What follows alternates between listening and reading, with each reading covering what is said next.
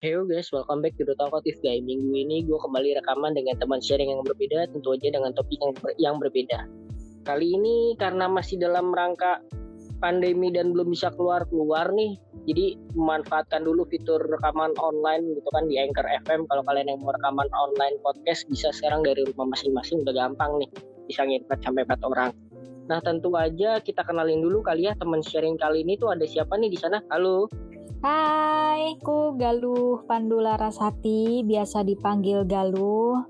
Kesibukan saat ini adalah menjadi TV presenter lokal di Malang dan juga sebagai MC.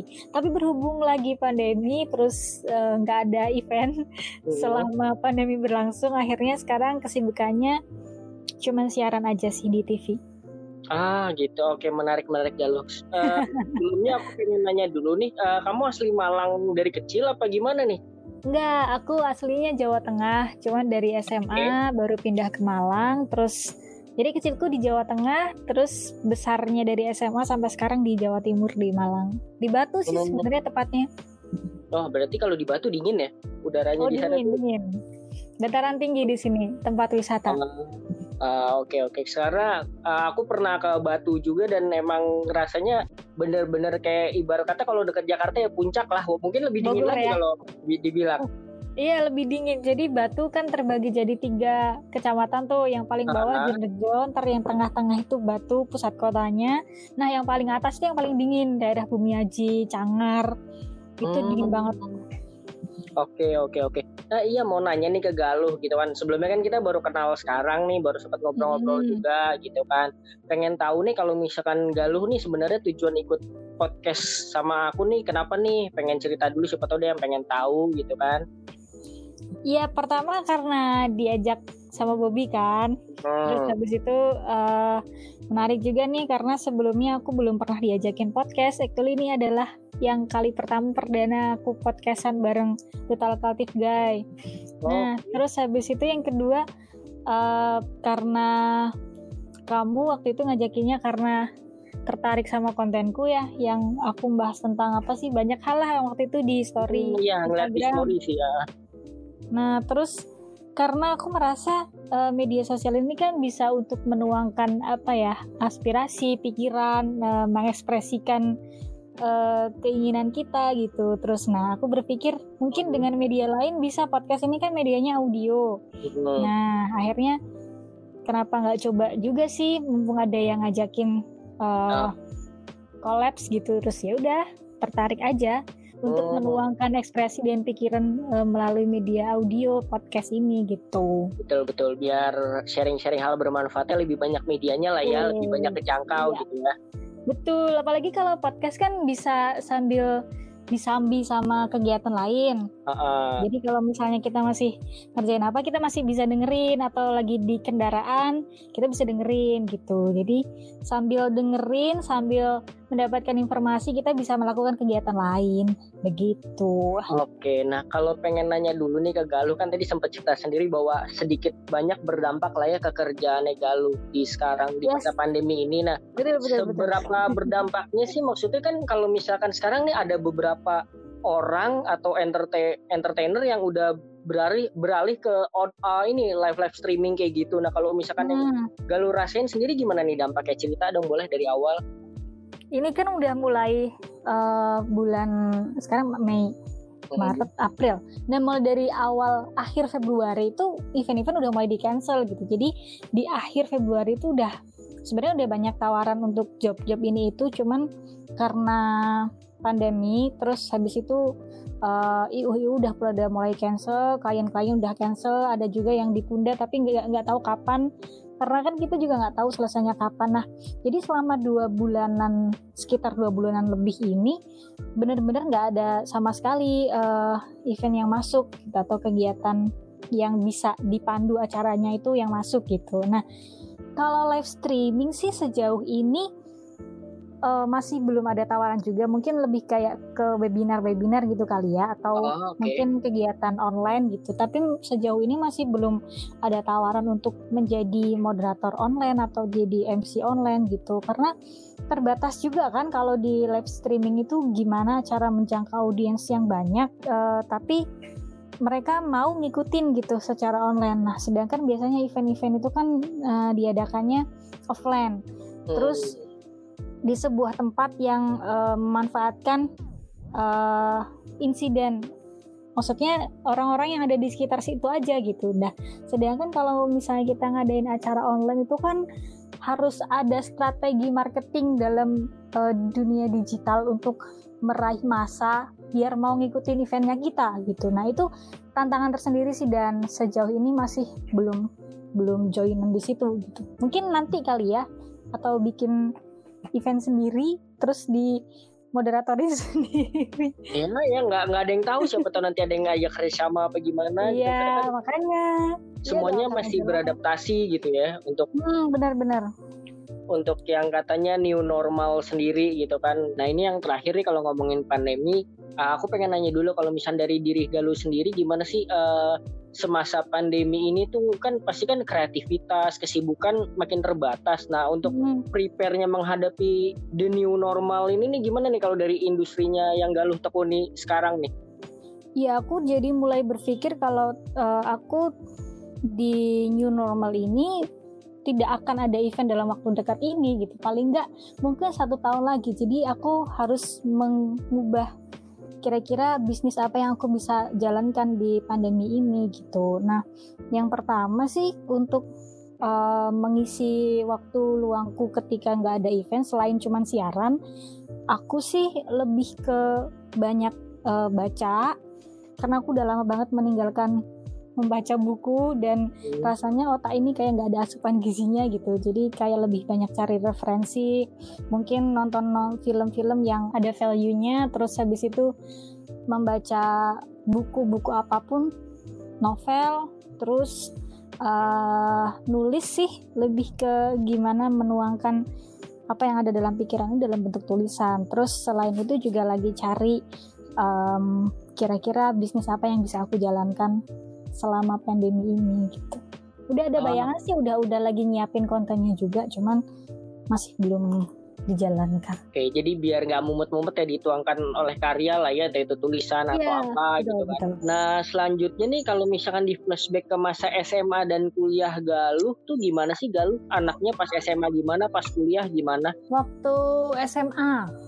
Jadi waktu SMA itu aku kan jurusan IPA, jurusan IPA dan waktu itu kebetulan adalah kelasnya kelas olimpiade. Jadi berada di tengah eh, lingkungan orang-orang yang emang pinter-pinter dan aku bagian yang wow, ini otaknya terbuat dari apa gitu.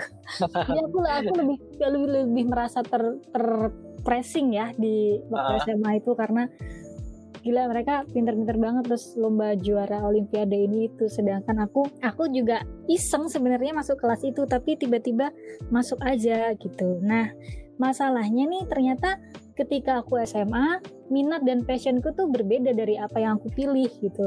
Aku lebih suka ke sosial dibandingkan ke, ke sains gitu. Jadi aku mengalami dua hal yang eh, bertentangan di situ. Ketika eh, sekolah aku harus mengerjakan segala sesuatu yang berbau sains sedangkan minatku ke sosial gitu. Tapi akhirnya aku bersyukur sih aku bisa menyeimbangkan keduanya. Tapi pada akhirnya waktu aku kuliah aku milih di ilmu komunikasi yang itu adalah sosial. Jadi waktu semasa tes juga akhirnya aku kayak belajar lagi mengulang lagi pelajaran selama tiga tahun yang selama tiga tahun aku belajar IPA akhirnya aku harus belajar sosial lagi untuk bisa tes dan masuk di jurusan lintas jurusan di ilmu komunikasi gitu nah waktu Oke.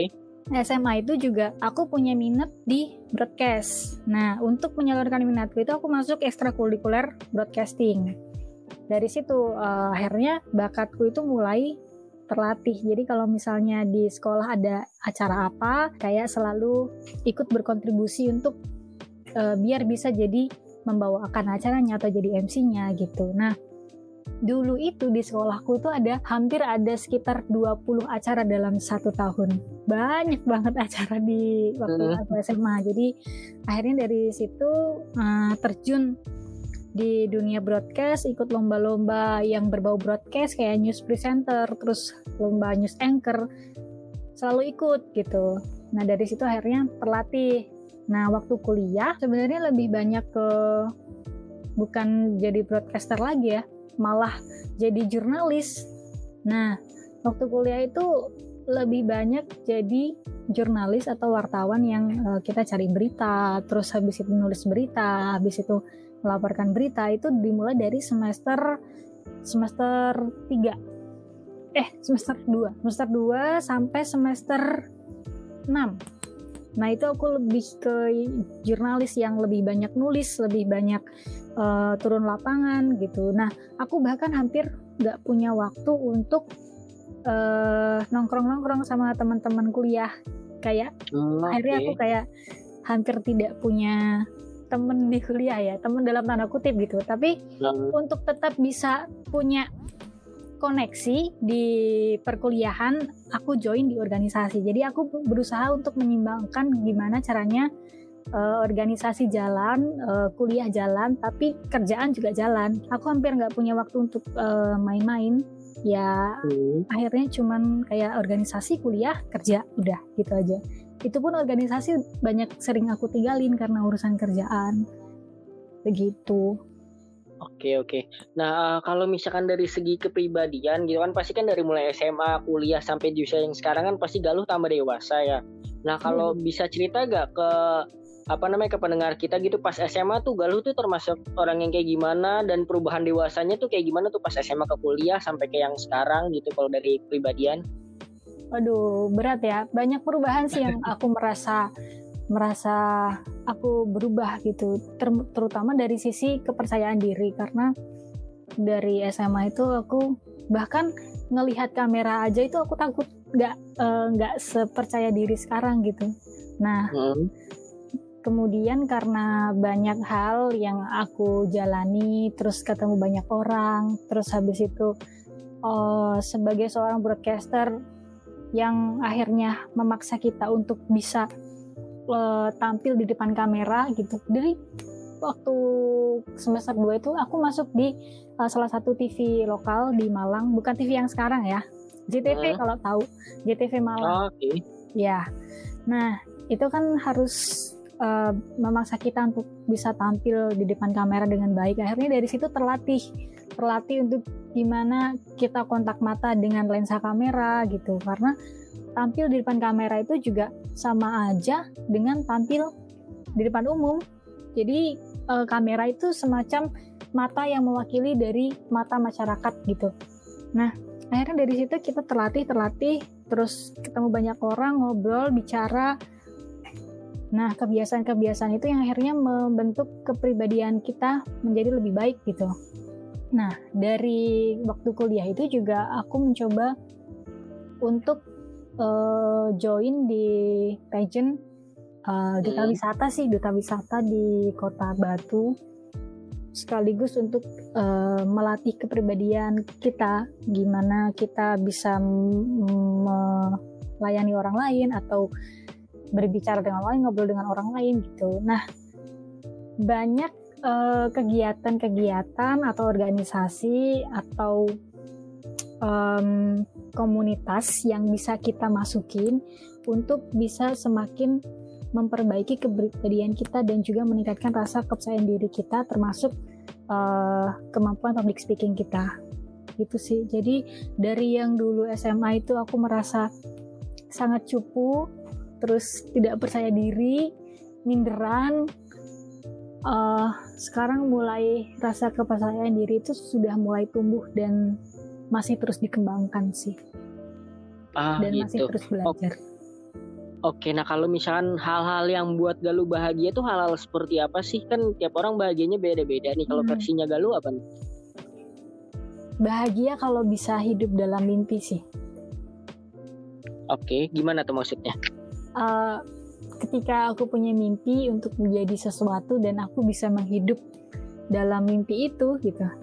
Nah, mungkin bagian dari mimpi itu work life balance gitu ya. Seimbang antara Mhm. pekerjaan dan juga kehidupan kita gitu. Kita bisa punya bebas uang bebas waktu gitu untuk bisa menikmati hidup kita. Tapi sampai saat Oh, ini sejauh ini masih belum sih masih dalam proses untuk bisa hidup dalam mimpi. Hmm, ya ya ya, semua semuanya berproses lah ya. Dan kayaknya nggak semua orang juga bisa dapat kesempatan itu sih, maksudnya kayak bisa hidup dengan mimpinya, punya mimpi aja. Banyak anak-anak muda zaman sekarang yang mungkin ada yang takut bermimpi, ada yang oh sih ya udahlah ngalir aja gitu loh. Iya, iya sih. Kadang-kadang ada em, orang yang emang kayak gitu em, hidup ngalir aja lah, yang penting dijalanin gitu. Tapi Ah. kadang-kadang eh, ada juga orang yang kita lihat dia sukses gitu dari Mhm. segi karir, dari segi kehidupan, dari apa pun, dia sendiri sebenarnya nggak punya mimpi gitu. Tapi Oh, selalu memperbaiki kehidupan dari eh, hari besok lebih baik dari hari yang sekarang hari sekarang lebih baik dari hari yang kemarin gitu jadi eh, kadang-kadang nggak punya mimpi mungkin nggak apa-apa tapi yang penting kita terus berjalan maju aja Hmm, Kalau oke, menarik, Mbak. ya. menarik, menarik. kalau Iya. misalnya emang nggak punya mimpi gitu tapi kalau punya mimpi ya udah bikin target dan kejarlah itu gitu. Ya ini, Iya, ini ya. sebenarnya motivasi buat diri sendiri juga sih. Benar-benar ya. Intinya bisa dengan mudah memotivasi orang lain tapi memotivasi diri sendiri itu susah. Ya nggak sih? Iya, betul betul betul. Itu itu itu itu apa namanya remindernya itu ke orang lain tuh gampang ngomongnya Hmm. gimana. Tapi kadang gue buat diri sendiri kayaknya udah evaluasi diri belum ya nih? Iya benar-benar ya ya nah kalau misalkan kayak tadi ngomongin soal mimpi ngomongin soal kayak kuliah komuni- komunikasi apa kayak gimana nah sebenarnya tuh kalau misalkan balik ke flashback ke ngomongin orang tua gitu dari kecil tuh orang tua Galuh tuh ngedidik Galuh kayak gimana sih sehingga menjadi Galuh seperti sekarang Waduh, galuh seperti sekarang kok sih belum apa bukan apa-apa juga gitu. Tapi ya aku bersyukur eh, punya orang tua yang sangat kolaboratif gitu dan dan selalu mendukung apa yang anak-anaknya lakukan. Nah, dari kecil itu eh, kedua orang tuaku membebaskan aku untuk memilih apa pun sesuai dengan keinginanku. Tapi dengan mencontohkan kedisiplinan juga. Jadi dulu waktu SD itu kan ada catur bulan 1 2 3 terus habis itu kelas berapa baru ganti semester 1 2. Nah, setiap pergantian semester itu kan selalu ada ujian tuh. Nah, setiap ada Hmm. ujian selalu ada jadwal ujiannya misalnya hari Senin ujian apa, hari Selasa ujian apa. Nah, satu minggu atau satu bulan sebelumnya orang tuaku tuh ibuku ya terutama eh, beliau bikin jadwal belajar gitu. Jadi hari Senin kamu harus belajar ini ini nih, Selasa belajar ini ini gitu. Nah, sedangkan dulu eh, aku kan sukanya main tuh, suka main terus habis itu eh, baca bobo gitu. Jadi eh, Mhm. kesempatan untuk belajar itu harus dijadwalkan dari kecil gitu. Jadi dari kecil udah ada jadwal untuk belajar gitu. Nah, yang lebih lebih enaknya lagi ketika uh, udah mulai besar ya udah uh, kebebasan itu diberikan kepada kita sebagai anak-anak untuk memilih, kemudian untuk menjadi apa pun itu terserah, tapi yang penting bertanggung jawab dan tidak menyalahi nilai dan juga norma-norma yang kita percayai. Nah, apa namanya kalau misalkan kan tadi kan eh, Galuh cerita tentang kesibukannya. Nah, sekarang pengen tahu dulu dong kalau misal dari kesibukannya tentang apa jadi MC, moderator dan segala macam itu suka dukanya apa sih yang boleh diceritain nih? Suka dukanya adalah karena ketika kita jadi MC itu kan freelance ya. Sukanya adalah kita Ah. tidak terikat oleh waktu. Kita bisa eh, bebas ngapain aja gitu.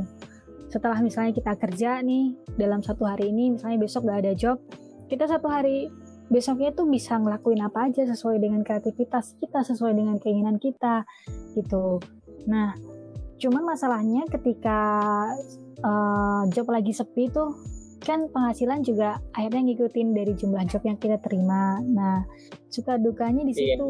Jadi ya kadang-kadang pilihan lah. Nah, kalau misalnya kita mau kerja yang rutin, masuk tiap hari dari 9 to 5 dari jam 9 sampai jam 5 gitu. Ntar pulang-pulang udah capek, terus kita nggak punya waktu untuk uh, hal-hal yang lain. Tapi bedanya kelebihannya kalau orang-orang yang kerja rutin itu dapat penghasilannya juga tetap gitu. Nah, kalau sebagai freelancer kita penghasilannya juga mungkin tidak tetap tapi kalau misalnya banyak ya banyak kalau misalnya sedikit ya sedikit cuman bedanya kita bisa lebih fleksibel dalam hal waktu dan kita bisa manfaatkan untuk hal-hal produktif lainnya gitu. Nah sekarang uh, kita pengen ngomongin yang topik pertama nih soal personal branding okay. gitu kan.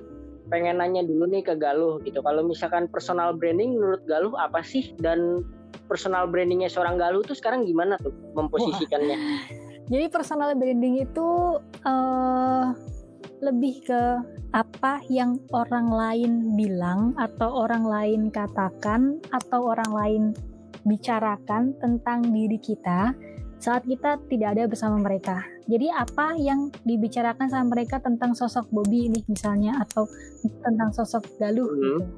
Dibicarakan orang lain. Oh misalnya oh Bobby itu seorang podcaster gitu. Oh Galuh itu seorang MC gitu. Nah itu adalah uh, bagian dari pemahaman soal personal branding. Nah personal branding ini menurutku sebuah proses untuk bisa memasarkan uh, brand yang kita punya atau memasarkan karir kepada masyarakat melalui dengan penciptaan uh, image atau penciptaan gambaran tentang diri kita yang akhirnya dipersepsi sama orang lain. Nah, kalau diibaratkan gambar itu mungkin seperti diagram lingkaran gitu ya. Dua di diagram lingkaran yang beririsan di tengah, yang paling kiri itu uh, adalah sesuatu yang kita pikirkan, kemudian yang lingkaran paling kanan adalah uh, yang orang lain pikirkan, terus yang beririsan di tengah itu adalah personal branding. Jadi apa yang kita pikirkan dengan orang lain kita pikirkan itu ketemunya di tengah.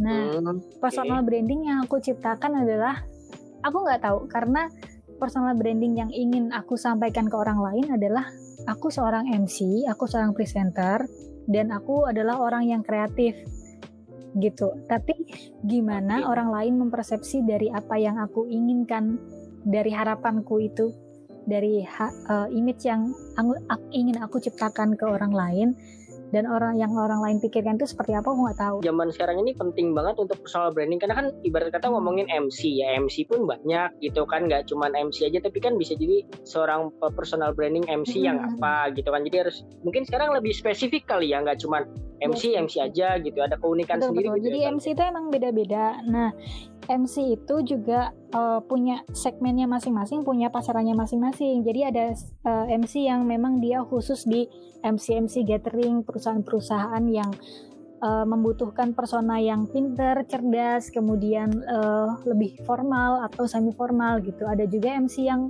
uh, lucu, atraktif, terus aktif gitu ya. Terus habis itu bisa memeriahkan suasana. Nah, itu mungkin lebih condong ke acara-acara yang kayak konser atau acara-acara anak muda gitu. Terus ada lagi MC yang uh, mungkin lebih ke khusus MC wedding yang khusus di Chinese wedding itu juga ada gitu. Jadi ada segmentasinya masing-masing gitu. Sedangkan aku mungkin aku uh, sedang menciptakan image aku sebagai MC lebih ke MC MC gathering gitu kali ya. Formal atau semi formal gitu. Tapi tidak menghalangi aku untuk uh, bisa lebih cair lebih ceria dan atraktif juga sih gitu. Kalau misalkan uh, sebenarnya Galuh tuh mikirin personal branding itu awalnya gimana sih dan dari kapan? Apa karena emang sosmednya ngeser-ngeser konten iseng jadi rame terus oh pikirin personal brandingnya ini ini ini kontennya ini ini ini.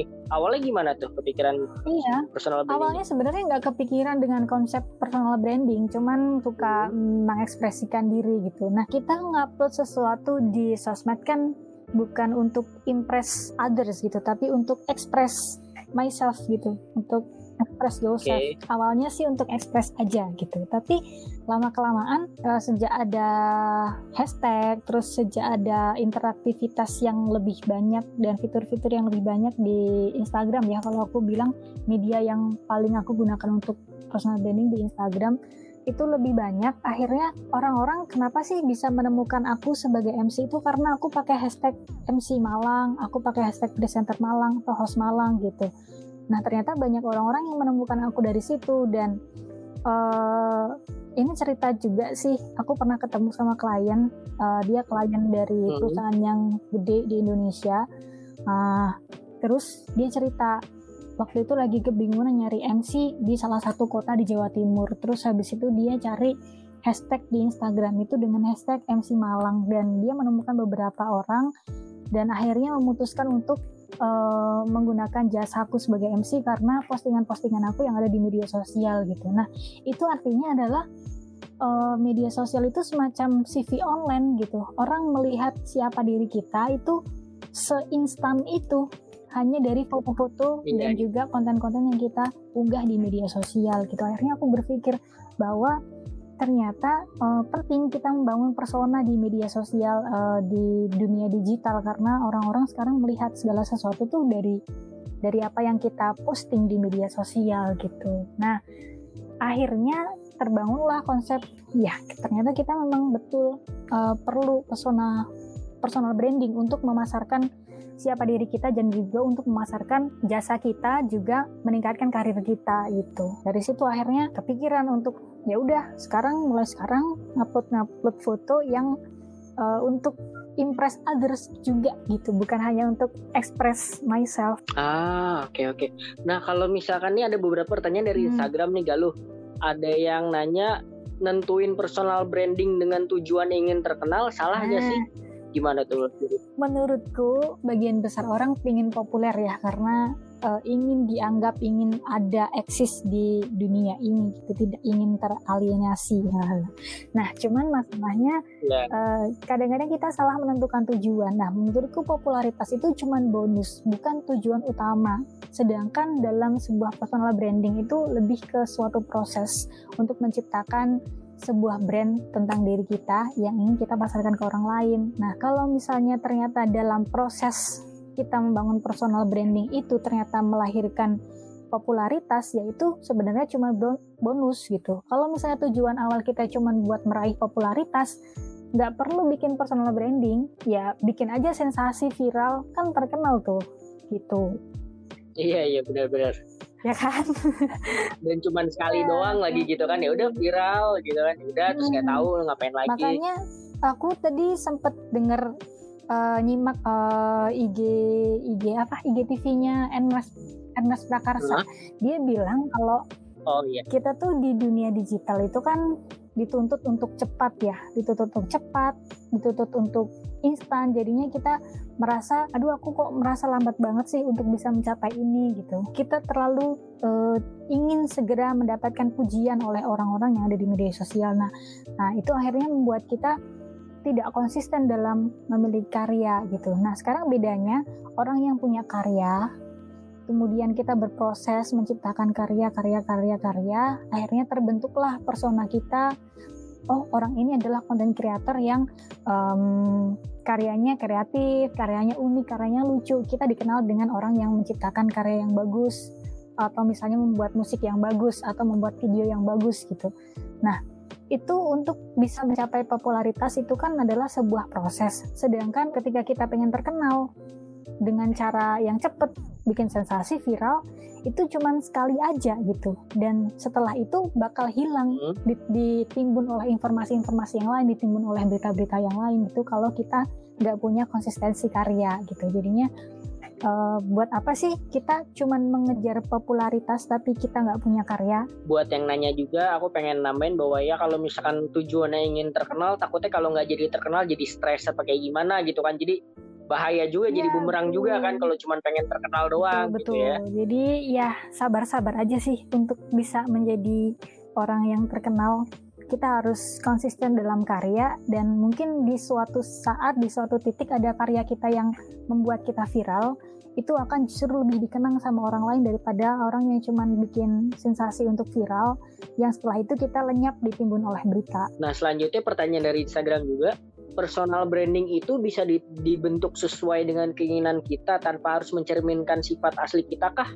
Karena sifat diri kita sendiri kurang disukai gitu, Mbak hmm, Sebenarnya personal branding itu uh, sesuatu yang ada dalam diri kita, kemudian di-create dengan kemasan yang bagus, dan akhirnya orang melihat uh, kemasan itu dan menganggap bahwa kemasan itu adalah berasal dari sebuah brand yang bagus. Nah, kalau memang kita uh, tidak terlalu bagus tapi kita bisa membuatnya bagus, ya kenapa enggak? Enggak masalah gitu. Tapi yang jelas kita harus tetap jadi diri diri kita sendiri. Nah, misalnya uh, berasal dari siapa sih diri kamu, terus kamu tuh menguasai apa. Misalnya aku uh, karena aku adalah sarjana ilmu komunikasi dan aku menguasai itu itu berarti kan aku menguasai ilmu komunikasi ya secara nggak langsung terlepas aku iya. menguasai yeah. atau enggak tapi karena aku adalah sarjana ilmu komunikasi aku belajar komunikasi dan aku mengerti tentang itu termasuk mengerti tentang media mengerti tentang uh, public speaking mengerti tentang personal branding gitu misalnya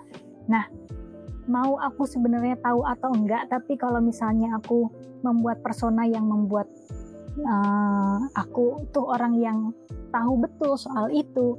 Ya udah kenapa enggak? Nah karena aku adalah sarjana ilmu komunikasi nggak mungkin aku menjadi sok ahli di bidang kesehatan misalnya. Tiba-tiba aku ngomongin soal kanker kanker adalah bla bla bla. Nah itu kan sesuatu yang bukan diri kita sendiri gitu. Membangun personal branding adalah membangun apa yang sebenarnya kita kuasai dan bagaimana orang lain bisa melihat bahwa kita ternyata kompeten di bidang itu dan kita punya track record yang memang kita kompeten di situ. Hmm oke okay, oke okay. dan mungkin juga buat yang nanya ini ya kalau misalkan emang kan banyak juga nih beberapa konten kreator yang emang IG hmm. personalnya nggak aktif tapi karena dia punya karya yang bagus jadi bikin akun tentang karya tersebut ya udah karya-karyanya aja yang ditonjolin ya. gitu kan jadi kan emang bukan menonjolkan pribadinya tapi ya udah ya. karya-karyanya aja nah, gitu ya itu dia jadi kita mau dianggap sebagai apa gitu ya apa yang ingin kita sampaikan aja di media sosial. Nggak nggak harus tahu bahwa kita punya sifat yang A B C D E gitu. Tapi kalau kita punya karya punya uh, sesuatu yang ingin kita tampilkan di media sosial ya udah itu tampilkan gitu. Karena kan di dalam hidup ini kita punya front stage sama backstage front stage adalah uh, tempat atau sesuatu yang uh, ingin kita tampilkan ke orang lain sedangkan di backstage adalah diri asli kita dan tidak semua yang diri asli kita harus di uh, sampaikan ke orang lain dan orang lain harus tahu tentang diri asli kita gitu. Jadi itu wajar-wajar aja kita menciptakan persona yang lebih baik daripada diri kita sebenarnya. Cuman jangan jadi munafik aja. nah kalau misalnya berarti tips dari Galuh supaya orang bisa punya personal branding gimana nih step by stepnya yang bisa dilakuin apa mungkin? Step yang pertama adalah mengenal siapa diri kita. Uh, mungkin kalau jati diri itu adalah proses ya proses yang tidak secepat itu bisa ditemukan tapi seenggaknya kita tahu siapa diri yeah. kita dulu terus habis itu kita tuh ingin mencapai apa atau kita punya passion apa atau kita punya hobi apa gitu. Nah terus habis itu kepribadian seperti apa yang pengen kita uh, tunjukkan ke orang lain atau persona atau sifat seperti apa yang pengen kita tunjukkan ke orang lain. Jadi misalnya aku pengen dikenal sebagai orang yang kreatif atau dikenal sebagai orang yang inovatif lucu uh, baik gitu misalnya. Nah itu bisa bisa dimulai dari situ terus habis itu uh, kita tuh ingin dianggap sebagai apa sih? Atau diidentifikasikan dengan apa? Uh, ketika ada yang menyebut Galuh oh langsung ada di pikiran kita oh Galuh itu MC oh Galuh itu yang presenter itu ya gitu. Nah itu adalah uh, identifikasi diri sih. Pengen disebut apa kita di orang lain gitu. Terus habis itu setelah kita udah punya dasar-dasar itu tentang siapa diri kita terus apa yang ingin kita capai, apa yang ingin kita tampilkan, apa misi kita, apa passion, apa hobi yang pengen kita tunjukkan. Nah, habis itu baru buat profil di media sosial. Media sosial bisa di Instagram bisa, Facebook bisa, Twitter bisa, LinkedIn bisa gitu. Dan buat profil itu paling enggak kan itu ada selalu ada bio yang menjelaskan siapa diri kamu. Ya udah di situ ditulis. Misalnya kalau MC presenter ya tulis aja MC presenter. Kalau misalnya Bobby podcaster tulis aja podcaster terus abis itu ditulis juga mungkin the talkative guy gitu sebagai bagian dari uh, podcast yang kamu buat gitu ya kali Bob. Terus habis itu udah buat profil selesai. Jangan lupa untuk membuat konten. Nah membuat konten ini yang kadang-kadang kita suka nggak konsisten untuk membuatnya padahal konsistensi itu sangat diperlukan di media sosial apalagi sekarang algoritma Instagramnya kayak gitu. Kalau misalnya kita nggak nggak posting dalam waktu berapa bulan aja udah langsung dianggap gak aktif sama Instagram kan. Jadi interaktivitasnya bahkan berkurang gitu. Lalu. yang like berkurang terus yang komen berkurang. Jadi mungkin setiap hari harus posting sesuatu sesuatu hal yang sesuai dengan kesukaan kita. Ya maksudnya yang sesuai dengan personal branding yang ingin kita bentuk itu gitu. Terus jangan lupa juga untuk menjalin koneksi dengan orang-orang yang masih terpaut dengan bidang yang kita kuasai. Hmm, itu, itu itu itu penting juga sih kalau misalnya untuk menumbuhkan kayak sosial media yang organik ya jangan cuma ngepost konten doang tapi ya yes. say hello sama uh. mungkin idola atau yeah. gimana gitu kan yang Terus, sebe, uh, sama idola atau sama teman yang sebidang atau bahkan mungkin join di komunitas-komunitas yang sesuai sama yang sesuai sama minat kita. Carilah orang yang satu frekuensi. Jangan lupa juga kolaps kolaps kalau bisa kolaps bikin konten sama orang-orang yang di atas kita gitu. Itu bisa untuk meningkatkan popularitas yeah, yeah. kita juga sih. Maksudnya kalau popularitas itu dalam hal ketika kita semakin dikenalkan jangkauan kita semakin banyak untuk bisa mendapatkan job yang lebih banyak lagi atau mendapatkan penawaran kerjasama yang lainnya lagi gitu. Oke, nah kalau misal ngomongin hmm. personal branding kan udah nih pengen ngomongin sekarang tentang dunia MC. Oke, nah kalau misalkan nih beberapa nih pertanyaan dari Instagram tentang MC gitu kan. Yang pertama dia mau nanya, jadi MC tuh ada pendidikan jalur khususnya gitu gak sih? Mungkin mesti sekolah komunikasi kah atau les enggak, apa? Sebenarnya enggak, karena di MC itu siapa aja bisa jadi MC karena kan MC itu basicnya adalah public speaking ya. Public speaking kan semua orang bisa ngomong. Uh. semua orang pasti bisa komunikasi. Cuman uh, bagaimana kita maintenance dan juga gimana kita manage dari cara kita berkomunikasi itu untuk akhirnya kita bisa jadi seorang MC sebenarnya nggak harus kuliah komunikasi atau nggak harus ikut sekolah MC tapi bagaimana cara kita belajar, bagaimana cara kita bekerja keras untuk mencapai profesionalitas yang ingin kita bentuk, ingin kita ciptakan. Karena selama ini teman-temanku yang MC juga nggak berasal dari komunikasi, ada yang dari jurusan pertanian, ada yang dari jurusan okay. ilmu perikanan dan juga kelautan, ada yang dari jurusan manajemen gitu. Mungkin kita ikut seminar-seminar atau ikut workshop yang akhirnya kita punya sertifikasi kompetensi di bidang public speaking as MC atau as moderator atau as host gitu. Tapi aku malah sebenarnya nggak ikut sertifikasi itu karena ternyata orang atau klien ketika melihat performance kita sebagai MC ternyata sudah memenuhi kriteria kepuasan mereka, ya itu sudah cukup sebagai MC. Artinya profesionalitas di sini adalah klien puas, kitanya puas, kemudian uh, akhirnya ada sebuah kesepakatan untuk membayar jasa kita. Di situ udah adalah letak profesionalitas sih menurutku. Karena nggak semua klien juga akan mempertanyakan kamu punya sertifikasi apa gitu. Hmm. Enggak.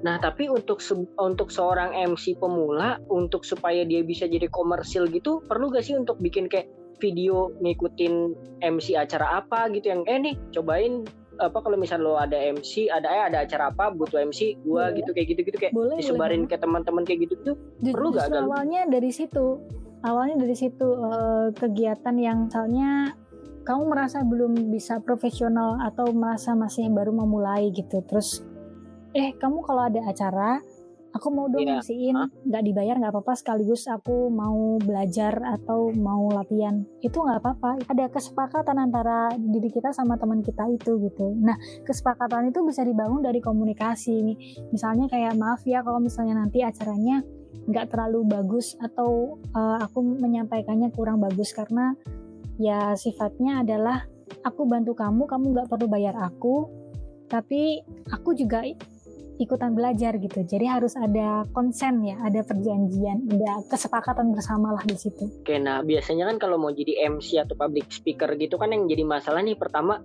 belibet sama yang kedua PD, apa namanya hmm. melatih PD-nya hmm. kita gitu supaya nggak grogian, gemeteran atau malah ngeblank gitu kan. Nah, kalau tips uh, dari Galuh gimana tuh ngatasinnya? Yang jelas adalah kita harus menguasai materi dulu sih yang mau mau kita sampaikan itu apa gitu jadi kalau misalnya di acara ya kita harus menguasai rundown. Habis acara pembukaan, habis itu apa, habis itu apa, habis itu apa, itu harus dipersiapkan. Terus habis itu bridging. Bridging itu narasi eh, narasi-narasi yang kita sampaikan dari acara dari rundown perpindahan hmm. acara ke acara lainnya gitu. Jadi misalnya dari iya. pembukaan, yeah. habis itu mau ada sambutan dari uh, ketua panitia. Jadi bridging itu kita juga persiapkan narasinya. Dan untuk uh, menyambut acara di malam hari ini dengan hangat kita sambut terlebih dahulu ketua panitia kita misalnya kayak gitu. Nah kita harus persiapkan itu dengan baik lah maksudnya dari opening itu hmm. kita mau ngomong apa assalamualaikum terus habis itu apa kabar semuanya? Gitu kita harus persiapkan gitu. Nah persiapkan itu nggak harus sesuai dengan teks yang kita buat tapi ya kita ngerti nanti kita mau ngomong apa dan selebihnya adalah improvisasi nah yang penting adalah kita tahu uh, urutan acaranya, hmm. kita tahu nanti uh, pembukanya seperti apa. Kalau misalnya mau ada ice breaking, kita tahu ice breakingnya seperti apa. Mau ada penampilan uh, video, kita tahu isi videonya paling enggak garis besarnya seperti apa. Jadi kita bisa sampaikan di awal, dinarasikan. Setelah ini akan ada video tentang uh, perayaan Hari Raya Idul Fitri di mana gitu misalnya. Setelah semuanya materi itu siap, yang penting kita udah siap nih. Nah, setelah itu kita harus banyak-banyak latihan kalau misalnya tidak biasa ngomong di depan umum. Banyak-banyak latihan dulu sebelum tampil di hari H. Terus uh, gladi bersih juga. Nah, habis itu uh, kita persiapkan diri secara fisik. Misalnya kita berdandan, terus pakai baju yang sesuai, kostum yang sesuai. Kalau kita udah merasa tampil oke okay, secara penampilan, kita siapkan persiapan mental. Nah, persiapan mental itu bisa dilatih dari kebiasaan. Jadi lebih banyak-banyak uh, praktik itu akan lebih memudahkan kita untuk bisa bicara di depan umum. Nah, yang penting jangan sakit juga sih harus harus tetap sehat, jaga kesehatan, uh, minum air. Terus kalau misalnya pas hari H merasa grogi, bisa dilatih dengan tarik nafas misalnya 10 detik tarik nafas yang panjang habis itu keluarkan pelan-pelan gitu. Kalau enggak uh, ngobrol sama teman-teman sekitar pokoknya menciptakan energi yang positif lah. Untuk menciptakan biar kita seneng gitu kita bercanda-bercanda aja sama orang-orang sekitar. Nah ketika kita ngerasa seneng ngerasa happy kan kita bisa menumbuhkan rasa percaya diri itu ketika naik di podium dan menyampaikan sesuatu. Yang pembahasan terakhir nih kita akan ngomongin tentang hoax gitu kan. Yang pertama kalau dari menurut Galuh sendiri tentang penyebaran Aduh. informasi di sosial media, media sekarang sosial gimana sih? Kompleks banget ya. Uh, penyebarannya juga kompleks banget gitu. Uh. Nah, uh, di media sosial ini kita bisa tahu banyak berita dari orang-orang sendiri. Jadi orang-orang sendiri itu yang produksi informasi terus menyebarkan informasi ya orang-orang sendiri itu. Bahkan sekarang media-media arus utama kayak televisi, terus um, media-media online, terus habis itu koran, majalah gitu-gitu kan bahkan udah hampir tidak dilihat ya sama orang-orang karena orang-orang bahkan tahu informasinya tuh dari media sosial. Jadi kita yeah, iya. terpapar yeah. informasi dari media sosial bukan kita yang mencari informasi gitu. Nah, di media sosial ini kan ada yang namanya penyebaran yang sangat cepat. Misalnya kalau di Twitter itu kita bisa nge-retweet, bisa nge-like, bisa replay gitu. Terus habis itu eh, orang-orang follower kita bisa melihat apa yang kita retweet, apa yang kita likes gitu atau apa yang kita komentari. Nah, di dalam media sosial itu sendiri selain penyebaran melalui konten juga penyebaran melalui perangkat dari bukan hanya orang lain. Nah, kalau penyebaran melalui konten ini adalah penyebaran yang dilakukan oleh orang lain dalam sebuah media. Misalnya katakanlah uh, Twitter nih aku sebut Twitter karena menurutku Twitter itu viralitasnya paling tinggi ya di antara media-media yang lainnya gitu. Nah, misalnya di dalam media Twitter hmm. itu sendiri, terus habis itu kita bikin status uh, ada orang uh, diduga positif corona di wilayah A gitu. Kita bikin kayak gitu, orang lain nge-retweet, orang lain hmm. ngebales, terus habis itu dibagikan sama orang lain di media itu sendiri. Nah, setelah itu yang kedua itu ada penyebaran melalui perangkat. Nah, penyebaran melalui perangkat ini adalah penyebaran media uh, dari suatu platform ke platform yang lain. Jadi misalnya dari Twitter dibagikan ke WhatsApp, dari WhatsApp dibagikan ke Instagram, dibagikan lagi ke Facebook gitu. Nah, itu yang melakukan itu juga orang gitu. Jadi secepat itu informasi dibagikan di media sosial. Jadi bukan hanya di satu media, tapi dari satu media ke media-media yang lain. Nah, secepat itu informasi dibagikan karena uh, di media sosial tuh kita tidak ada yang namanya hierarki. Jadi semua orang bisa langsung komen, bisa langsung uh, retweet, bisa langsung like tanpa adanya perantara gitu. Nah, kecepatan-kecepatan itu yang akhirnya uh, membuat membuat informasi yang sebenarnya belum tervalidasi kebenarannya sangat mudah disebarkan oleh siapa pun, di mana pun, dan dengan perangkat apa pun. Jadi informasi tuh di media sosial secepat itulah. Tugas tugas hmm. jurnalis akhirnya hmm. juga digantikan sama sama kita warga net atau netizen. Kalau misalkan menurut Galuh sendiri, uh, kenapa sih hoax itu lebih rentan menyulut emosi gitu kan ke usia yang tua gitu? Kalau orang nyebutnya tuh dia digital imigran, tidak terbiasa, tidak terbiasa menggunakan oh, uh, perangkat digital, tidak terbiasa menggunakan media sosial dan ketika dia tua, terus dalam usia yang tua itu dia menggunakan media sosial akhirnya menganggap bahwa informasi-informasi yang ada itu adalah informasi yang memang sudah valid dan divalidasi kebenarannya sebagaimana dulu dia memahami informasi dari yang disampaikan di televisi majalah gitu kan. Nah, informasi yang disampaikan di televisi pada zaman dahulu adalah informasi yang memang sudah uh, melalui berbagai macam uh, pengecekan cek and cek fakta gitu ya. Sedangkan kalau di media sosial kan uh. informasi bisa aja salah karena diproduksi oleh uh, orang itu sendiri yang yang tidak mengecek kebenarannya di kehidupan nyata gitu. Nah, akhirnya karena pola pikir orang tua terbiasa untuk percaya dengan dengan informasi yang ada di media gitu dan tidak terbiasa menerima media yang baru. Dalam hal ini adalah media sosial. Akhirnya mereka lebih mudah untuk uh, menerima informasi yang ada dan kemudian langsung disebarkan begitu aja. Sedangkan kalau anak muda kan mereka lebih kritis. Mereka banyak referensi banyak informasi dan juga pasti akan mencoba untuk mencari, mah masa sih? Bener nggak sih berita ini? Akhirnya dia searching dong, dia googling, terus mencari kebenaran-kebenarannya dulu sebelum bagikan gitu. Tapi walaupun begitu, untuk anak-anak muda yang mungkin hmm. kurang teredukasi atau kurang well educated, ya mereka akan mudah juga membagikan berita-berita hoax sih.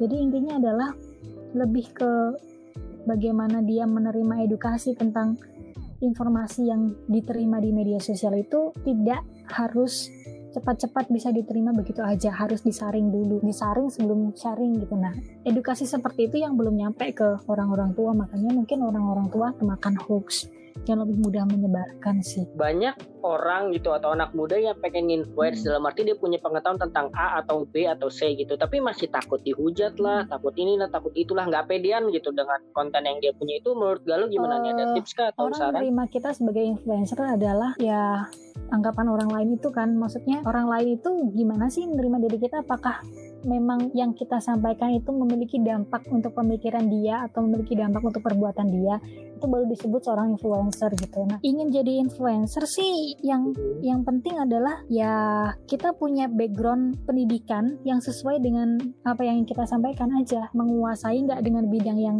kita sampaikan itu gitu. Jadi kalau misalnya memang ingin menyampaikan pikirannya, menyampaikan pendapatnya, itu boleh asalkan lihat ke diri kita sendiri. Harus bisa apa ya menilai diri kita sendiri juga. Kita kompeten nggak ngomongin hal itu gitu. Terus udah punya referensi yang cukup untuk menyampaikan sebuah topik nggak? Atau sudah punya literatur yang valid untuk menyampaikan sebuah informasi atau tidak gitu. Jadi kalau memang ingin menginfluence orang ya sampaikan opini, sampaikan pendapat yang itu sudah didasari dari data-data yang valid, referensi-referensi yang yang tepat dan juga literatur yang tepat gitu. Jadi kalau kita udah punya data-data, udah punya semua itu, udah punya background kompetisi yang tepat, ya kenapa enggak untuk bisa menyampaikan pikiran kita atau aspirasi kita ke orang lain gitu. Nah, masalah itu akan menginfluence apa enggak kan tergantung sama orang lain melihat tulisan kita atau melihat yeah. konten yang kita buat itu apakah berdampak nggak sama mereka gitu. Jadi kalau misalnya memang sudah punya data-data yang valid, kenapa enggak kita menyampaikan sesuatu? Gitu. Itu kan kita hidup di negara demokrasi, jadi ya udah bebas hmm. aja kita menyampaikan sesuatu. Yang penting yang kita sampaikan itu bertanggung jawab dan bisa dipertanggungjawabkan. Terakhir nih uh, dalam setahun dua tahun ke depan Galuh pengen seperti apa sih mungkin dalam karir? Semoga yang terbaik aja sih. Sedang berusaha untuk yang penting berjalan maju aja. Uh, ini dong kasih tahu IG-nya Galuh at Galuh Pandu. Di Twitter at Galuh Pandu. Di Instagram at Galuh Pandu, at Galuh Pandu. di Facebook Galuh Pandu Larasati. Mohon maaf kalau misalnya ada salah kata dan juga mungkin opini yang kurang berkenan di teman-teman. Teman-teman boleh diskusi sama aku juga di media sosial boleh. Kalau misalnya mau sharing-sharing juga boleh karena yang aku sampaikan ini kan subjektif menurut aku sendiri ya dan tidak selalu sama sepikiran dengan orang lain. Jadi aku mohon maaf untuk segala salah kata dan opini yang tidak berkenan. Terima kasih yang udah dengerin. Sampai ketemu minggu depan. Bye bye